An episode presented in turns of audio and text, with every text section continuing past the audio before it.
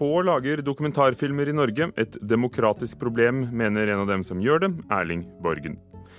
En av dansk teaters mest kjente regissører tar for seg Ibsen og samfunnets støtter og kommer hit til Kulturnytt. Og Norges første låtskriver- og artiststudium som gir deg bachelorgrad, er i gang. Velkommen til Kulturnytt her i Nyhetsmorgen i NRK. Selv om det kommer altså rekordmange norske dokumentarfilmer til høsten, lages det nesten ikke lenger gravende journalistiske dokumentarer. Et demokratisk problem, mener dokumentarfilmskaper og professor Erling Borgen. Da de nye dokumentarfilmene som ble presentert i går eh, Blant de nye dokumentarfilmene som ble presentert i går, var det personlige historier og enkeltskjebner som dominerte. Kan jeg bli frisk? Du kan ikke bli varig helbredet med det vi vet her. Einar har fått uhelbredelig prostatakreft. I dokumentaren 'Einars forsvinningsnummer' tar han oss med på en siste reise til fots. Filmen er en av høstens 13 norske dokumentarfilmer som ble presentert på Norsk Filminstitutt i går. Det er rekordmange dokumentarer, og aldri har det vært så mange steder å se dem, siden Nettavisen også satser på dokumentar. Elsa Kvamme ville lage en film om hvordan vi som samfunn snakker om kreft. Altså jeg ønsket jo å lage denne filmen for å få til andre samtaler om kreft enn den vanlige stumheten man ofte møter folk og pårørende når de hører at de har en uhelbredelig kreftsykdom. Det er personlige historier og enkeltskjebner som er trenden i norsk dokumentar om dagen, sier Even Benestad, en av dokumentarfilmkonsulentene ved Norsk Filminstitutt. Men han skulle gjerne sett at flere lagde avslørende, gravende dokumentarer. Altså Av den klassiske gravende journalistiske dokumentaren, så er det veldig lite som kommer. Nesten ingenting. Jeg vil gjerne ha mer mangfold. Jeg vil, ha, jeg vil gjerne ha, ha litt av alt. da. Også NRK og TV 2 bekrefter at det er færre gravende dokumentarprosjekter å velge blant. Erling Borgen er dokumentarfilmskaper og professor i samfunnskritisk dokumentarisme ved Høgskolen på Lillehammer. Han har laget over 40 samfunnskritiske dokumentarer. Han forstår at dokumentarfilmskapere ikke satser på store gravende prosjekter, fordi det rett og slett er svært dyrt og ressurskrevende. Alle samfunn trenger kritisk dokumentarisme eh, trenger noen som kikker makten i kortene. Det er et demokratisk problem eh, hvis det ikke lages kritisk journalistikk og kritisk dokumentarisme. Noen må betale det arbeidet som kritiske dokumentarister eh, ønsker å gjøre. Jeg mener at Filmfondet eller NRK eller TV 2 bør sette av en egen pott for kritisk dokumentarisme. Even Benestad hos Norsk Filminstitutt er uenig i at øremerking er veien å gå. Det vil kneble friheten til konsulenten og gå utover annen dokumentarfilm, sier han. For regissøren av Einars forsvinningsnummer, Elsa Kvamme, er det naturlig å velge en enkeltskjebne når hun vil ta opp hvordan vi snakker om sykdommen kreft. Eh, altså jeg, er jo, jeg kommer både fra teater og fiksjonsfilm, kan du si, så jeg er veldig opptatt av drama. Det å, det å, kunne identifisere seg med et menneske. Jeg er ikke så opptatt av den journalistiske innfallsvinkelen. Så sa legen at eh, dersom du fortsetter sånn som det her, så har du ikke noe mer å gå på. Jeg var slokna. Fra Elsa Kvammes eh, siste film, og reporter var Eirin Venås Sivertsen. Odd sett redaktør i Brennpunkt her i NRK. Hva syns du om tilbudet av gravende, kritiske, journalistiske dokumentarfilmer? Nei, jeg syns det er for lite. Jeg skulle gjerne sett mye mer av det. Og hva er din forklaring på at det er sånn? Forklaringen er at uh, dette er en krevende sjanger. Det er vanskelig å kombinere både god undersøkende journalistikk og samtidig Eh, det å sørge for at dette blir en veldig god filmatisk eh, fortelling for TV eller for kino. Erling Borgen hørte vi kalte et demokratisk problem. Hva vil du si konsekvensen er? Eh, demokratisk problem syns jeg kanskje jeg tar litt hardt i, men det er klart at konsekvensen av, av, av, dette er at uh, muligens da ender opp med å være mindre maktkritiske og være mer innadvendte på den personlige historien. Det er vel den tendensen vi ser akkurat nå. Er problemet at det er vanskelig, eller er problemet at det ikke er penger nok å få til å lage slike filmer? At TV 2 og NRK ikke betaler det det koster å få sånne filmer fra uavhengige produsenter? At eh, NRK og TV 2 ikke bruker nok penger internt til å lage enda flere og enda bedre? Eh, jeg tror ikke dette skyldes penger alene, nei. Jeg tenker nok at det er en sammensatt problemstilling. Eh, for det første så vil jeg da ta tak i dette med Norsk Filminstitutt. Jeg mener at Norsk Filminstitutt, som en vesentlig finansiør av dokumentarfilmer i Norge, gjør en veldig god og en veldig viktig jobb på dette feltet. Men jeg skulle ønske at de brukte litt mer av midlene til denne type journalistikk. Så har det seg sånn at for TV-selskapet, altså for NRK, for TV 2 og for andre, så, så er naturligvis det er en vurdering. Hva ønsker en å bruke pengene til? Eh, dette er ikke spesielt dyrt hvis vi sammenligner det med hva det koster å lage drama, eller hvis vi sammenligner det med hva det koster å kjøpe sportsrettigheter, fotball f.eks. Men det er nå en prioritering som eh, eh selskapene må foreta. Hva kan f.eks. du, da, i din rolle som redaktør for Brennpunkt, som er et av de kjente skal vi si, eh, titlene på merkevarene når det gjelder denne sjangeren, gjøre for at det skal bli flere? Nå har jo vi først og fremst en intern produksjon på dette. En relativt stor eh, redaksjon som leverer jevnlig hvert år. Og så har vi da et visst inntak av eksterne produksjoner. Eh, så kan vi alltid diskutere den, den balansen. Eh, men jeg ser ikke for meg at det er så veldig mye mer eh, vi kan gjøre utover å naturligvis ta imot alle som har gode, undersøkende, kritiske prosjekter, og sørge for at de får den kvalitetssikringen som de trenger for å komme på lufta i Brennpunkt. Du sier at penger er, er rett element, men det er også en vanskelig sjanger. Hva er det som gjør den krevende? Det vanskelige med denne sjangeren er først og fremst det jeg sa, altså det greie å kombinere det gravende undersøkende med å lage en god fortelling. Det som er vanskelig i tillegg, er at hvis en først skal holde på med dette, så må en ha råd til å kaste deg historiene hvis det viser seg at hypotesen som en går etter, ikke helt. Det er ganske vanskelig å lage god, undersøkende, kritisk journalistikk, og en av de største farene ved å holde på med dette, er hvis en går seg fast i en hypotese og av økonomiske grunner eh, finne ut at en må sende dette likevel. Sånn har det skjedd? At, eh, det har muligens skjedd, det vet jeg ikke. Men, eh, eller det ser jeg ingen grunn til å gå i detaljer på her nå. Men, men, men altså, dette er jo en av årsakene til at eh, en helse med store redaksjoner er at du kan holde på med mange prosjekter på samme tid.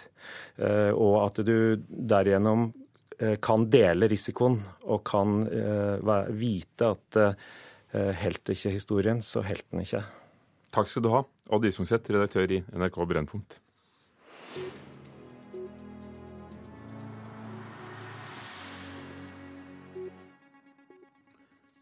Hackere har angrepet 225 000 iPhone-telefoner og tatt kontroll over Apple-kontoene til eierne, ifølge et amerikansk datasikkerhetsselskap.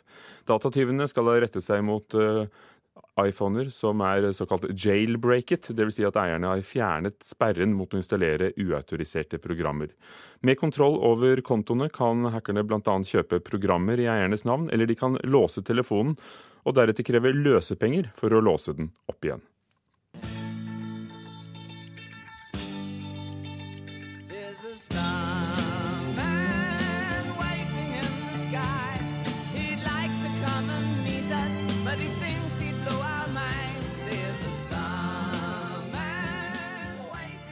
David Bowie, som vi ofte hører ham, nå går han nye veier. I'm ready, I'm ready, I'm ready, I'm ready, I'm ready. Closed.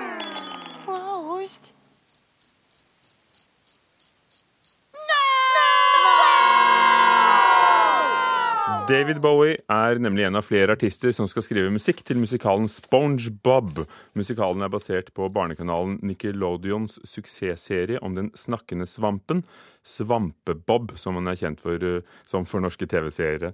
Andre artister som skal bidra til oppsetningen, som har premiere i juni neste år, er The Flaming Lips, Cindy Lauper, Aerosmith og John Legend.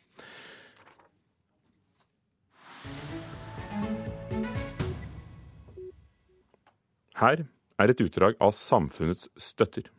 Ny skole er han også bygget. Og så skjønner jeg at det er deg å takke for både vannledning og gassledning inn til byen. Ja, Man vil gjerne bidra litt da, til det samfunnet man er en del av. Å, Det er så vakkert å se hvor høyt folk setter deg. Jeg kunne ikke la være å nevne for noen av de vi møtte, at Johan og jeg faktisk også er en del av familien.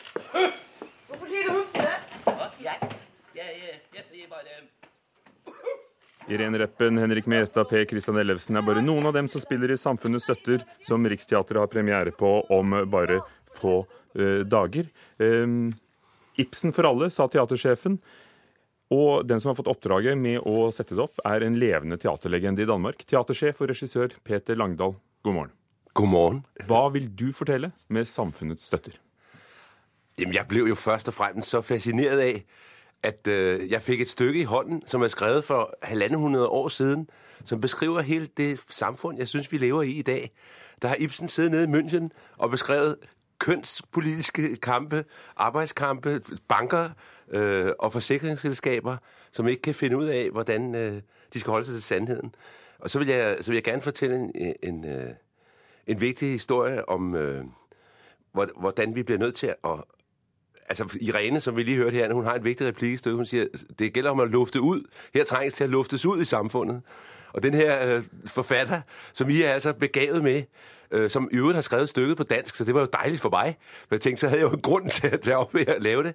Han, øh, han sidder altså og nærmest... Øh, alle de tematikker, jeg ser på BBC lige i øjeblikket, om angsten for det fremmede, om angsten for at stagnere i vores egen selvopfattelse og alt sådan noget, beskriver Ibsen altså øh, for 150 år siden. Helt fantastisk. Han skrev 'Samfunnets støtter' i 1877. Det handler om konsul Bernick, eh, som bygger både liv og forretninger i en liten by på en løgn.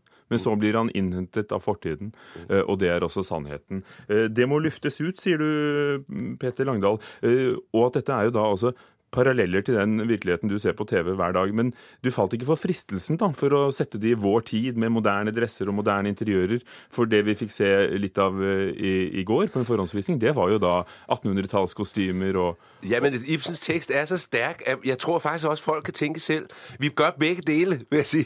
Vi, vi, vi, I forestillingen, så, øh, forestillingen beskriver faktisk en, flokk flok af moderne mennesker, som kommer til den by, øh, hvor vi skal spille stykket, som øh, bruker Ibsens ord til å si noe om det samfunn vi lever i her nå i dag. Og på den måten har jeg, jeg gitt sådan øh, et par nutidige briller på det. Uh, vi har... Vi har, vi har øh, bearbejdet teksten også, fordi når man læser det på dansk, så er det altså, kan man godt høre, det er mange, det er et par hundrede år siden, at det er lidt gammelt i sproget. Selv for en danske, Ja, så det er det jeg også selv for en gammeldags. dansker, og jeg, jeg har også undret mig så meget over, hvorfor ikke stykket er blevet spillet noget mere. Og det tror jeg, når man begynder at læse det som dansker i hvert fald i Danmark, hvor det havde urpremiere i øvrigt, inden det kom til Christiania, så... Øh, så, så, så, så efter de første sider, så tænker man, at der skal gøres noget. Så vi har bearbejdet det meget kraftigt, og så har jeg haft det dogmeagtige udfordring, at uh, Tom Remlov, som er chefen, sagde, det skal altså på turné rundt på nogle scener i hele Norge, hvor der nogle gange kun er 7 gange 4 meter, og du får kun 10 skuespillere, der er 30 med i stykket, og en masse statister. Så hele den uh, kunstneriske modstand, kan man sige, eller de begrænsninger, har været enormt uh, fantastiske for os at arbejde med, for at finde frem til et udtryk, som er mere præcist. Fordi Ibsen, han er jo faktisk en vordende dramatiker, kan man sige her.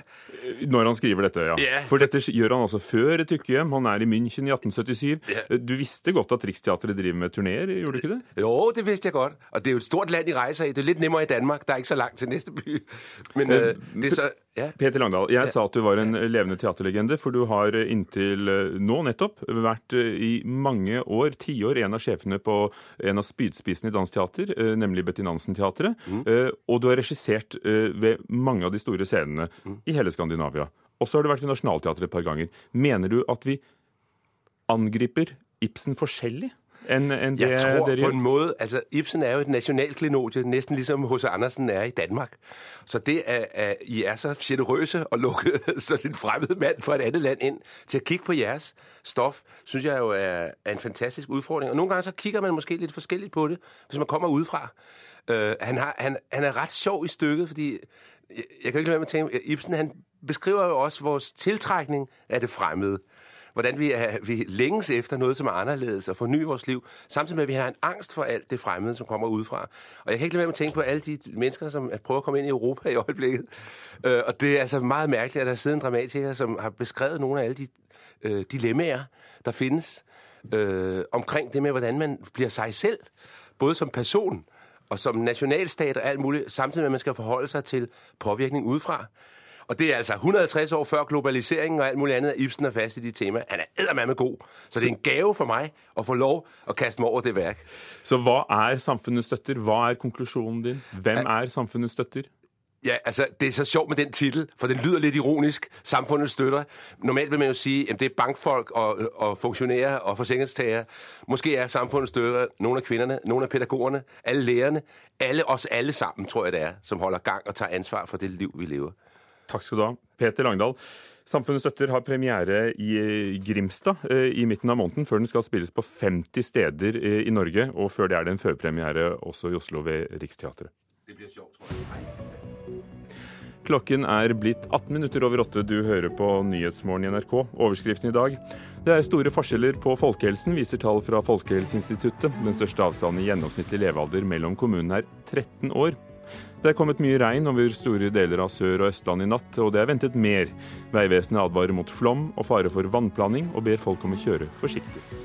Husbanken er tom for penger som kommunene kan bruke på utleieboliger til flyktninger og vanskeligstilte.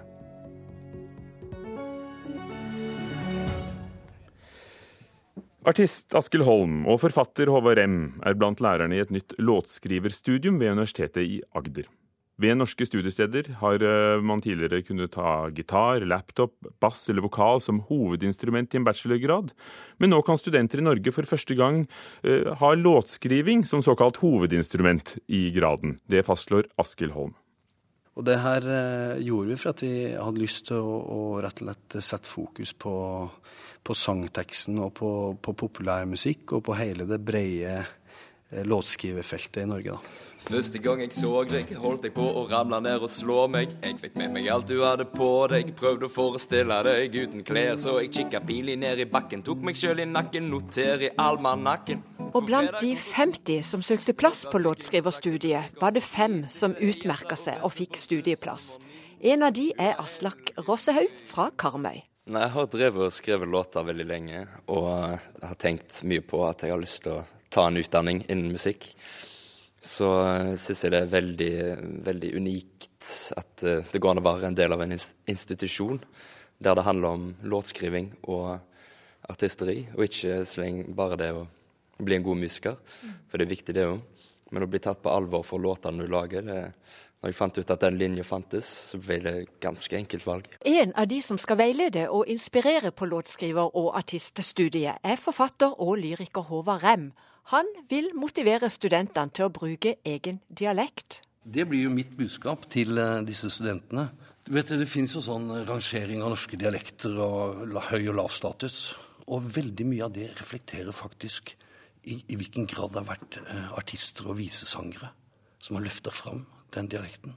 Disse fem studentene kommer jo fra hele landet. Og det jeg kommer til å si er at ok, kommer du fra et område av landet som har eh, lav selvtillit på dialekten sin, så kan du alene løfte din dialekt opp i førstedivisjon. Jeg er og Andersen og jeg er 33. Jeg går på byen på fredag, for på lørdag har jeg fri.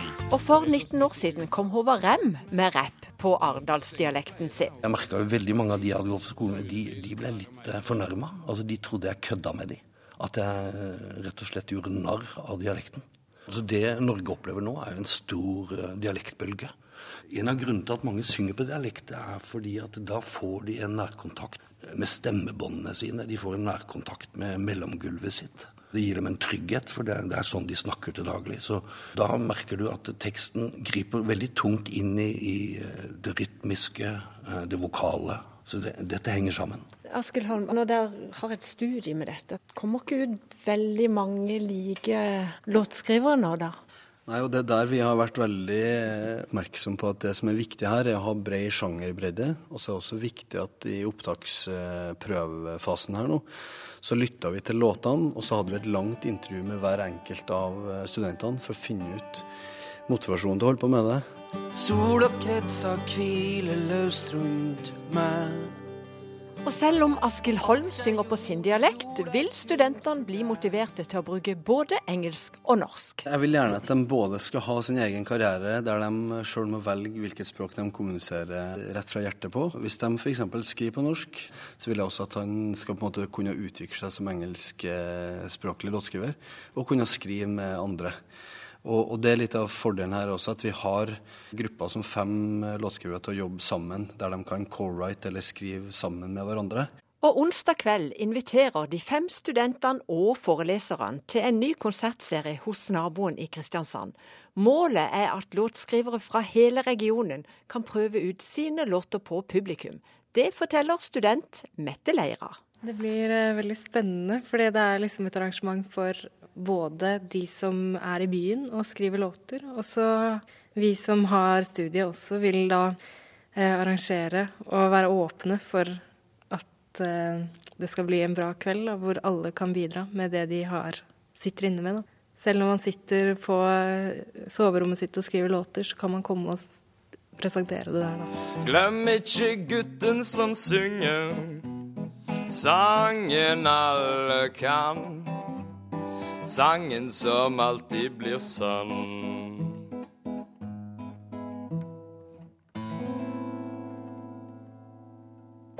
Aslaug Røshaug til slutt med sin egen sørgevise for unge herremenn, reporter Janne Aateigen.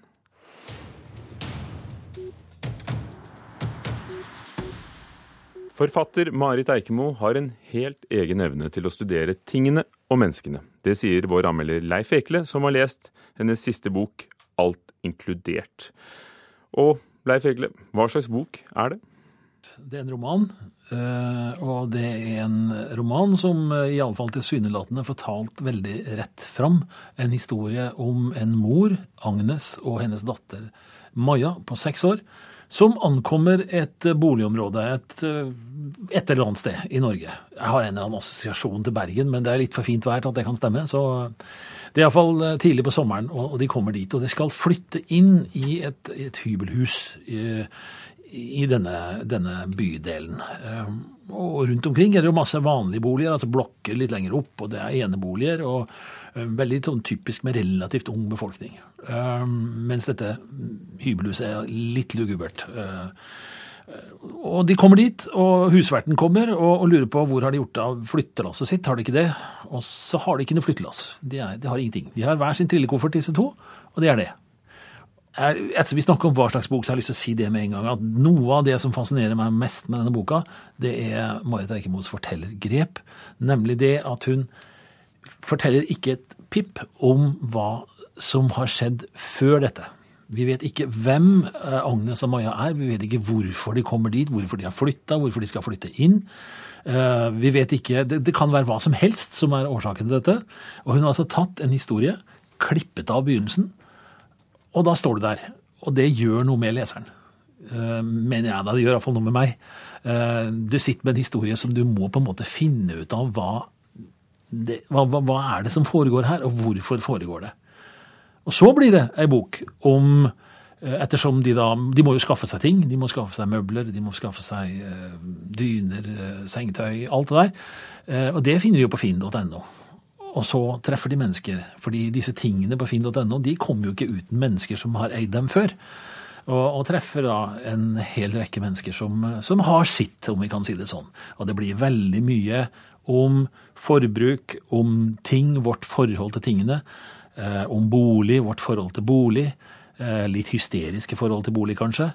Eh, og så blir det ei bok om hva som skjer når du tar bort alt det der. Hvis du tar det bort. Hvis det lar seg ta bort, altså alle tingene. Da blir det tomt, altså. Før vi går videre, kan du si to ord om Marit Eikemo og hennes forfatterskap? Marit Eikemo er en relativt ung forfatter. Hun er født i 1971 og er fra Odda. Eh, og som odding så har hun eh, også Jeg tror det heter odding. Eh, så har hun også vært leder for Litteratursymposiet i Odda i noen sesonger. Hun har vært redaktør av Syn og Segn. Hun har jobba som journalist i Bergens Tidende. Og hun har altså gitt ut Dette er hennes fjerde roman, og i tillegg så finnes det en essaysamling. Den forrige 'Samtale venter' fikk Nynorsk litteraturpris i 2011, og er også en fantastisk roman. Du bruker, Leif Ekle, uttrykket en Eikemo-karakteristisk måte å undersøke ting på. Hva, hva, legger du i det? Dette med å skape en, en historie, et rom, eh, hvor Eh, leseren rett og slett eh, er litt eh, usikker, og jeg har skrevet konstruktivt usikker, på hva det egentlig er som foregår. Det er mye komikk i Marit Ekemos tekster. Tragisk komikk og, og annen komikk. Men når det blir sånn som det blir, så er du litt usikker på kan jeg nå faktisk le av dette. Er det morsomt, egentlig? Det er noe av det. Det andre er et element av fremmedgjøring, som du finner også igjen i Samtale ventar. Eh, en avstand til det samfunnet du lever i. Og det beskrives veldig som det amerikanere og briter kaller 'outside looking in'. Og effekten er at uh, du, du dras inn i dette rommet. Du dras inn i det, du blir nysgjerrig på det, og, og du vil på en måte være der. Og, og, du blir fascinert, selv om det egentlig ikke hender så veldig mye i teksten. Du sa at man lurer på om det er, det er lov å le av det. Er det morsomt? Er det satire? Ja, det er satire. Uh, men den er fri for ironi. Uh, og, og, da liker jeg satiren veldig godt, når, den, når man sparer seg denne ironien. Uh, og, og det er morsomt. Til tider veldig morsomt sa Leif Ekle og alle anmeldelsene, bl.a. denne om uh, Marit Eikemos nyeste roman 'Alt inkludert', finner du på nrk.no litteratur. Dinosaurer, superhelter og rappere har fylt kinosalene verden over og er i ferd med å gjøre 2015 til tidenes kinofilmår for amerikanske filmer. I år kan filmene spille inn over 330 milliarder kroner, og det er imponerende med tanke på konkurransen kinoene har fra strømmetjenester som Netflix og HBO. Det sier en medieanalytiker til det franske nyhetsbyrået AFP. I Kulturnytt i dag har vi hørt at få lager kritiske og avslørende dokumentarfilmer i Norge. Det er et demokratisk problem, mener filmskaper Erling Borgen. Og så er det en slående parallell til dagens problemer. Det sa den danske regissøren Peter Langdal om Ibsens 'Samfunnets støtter', som han setter opp for Riksteatret. Hanne Lunås var teknisk ansvarlig. Gjermund Jappé produsent. Ugo Fermariello programleder. Du hører på Nyhetsmorgen i NRK. Klokken er ganske snart halv ni.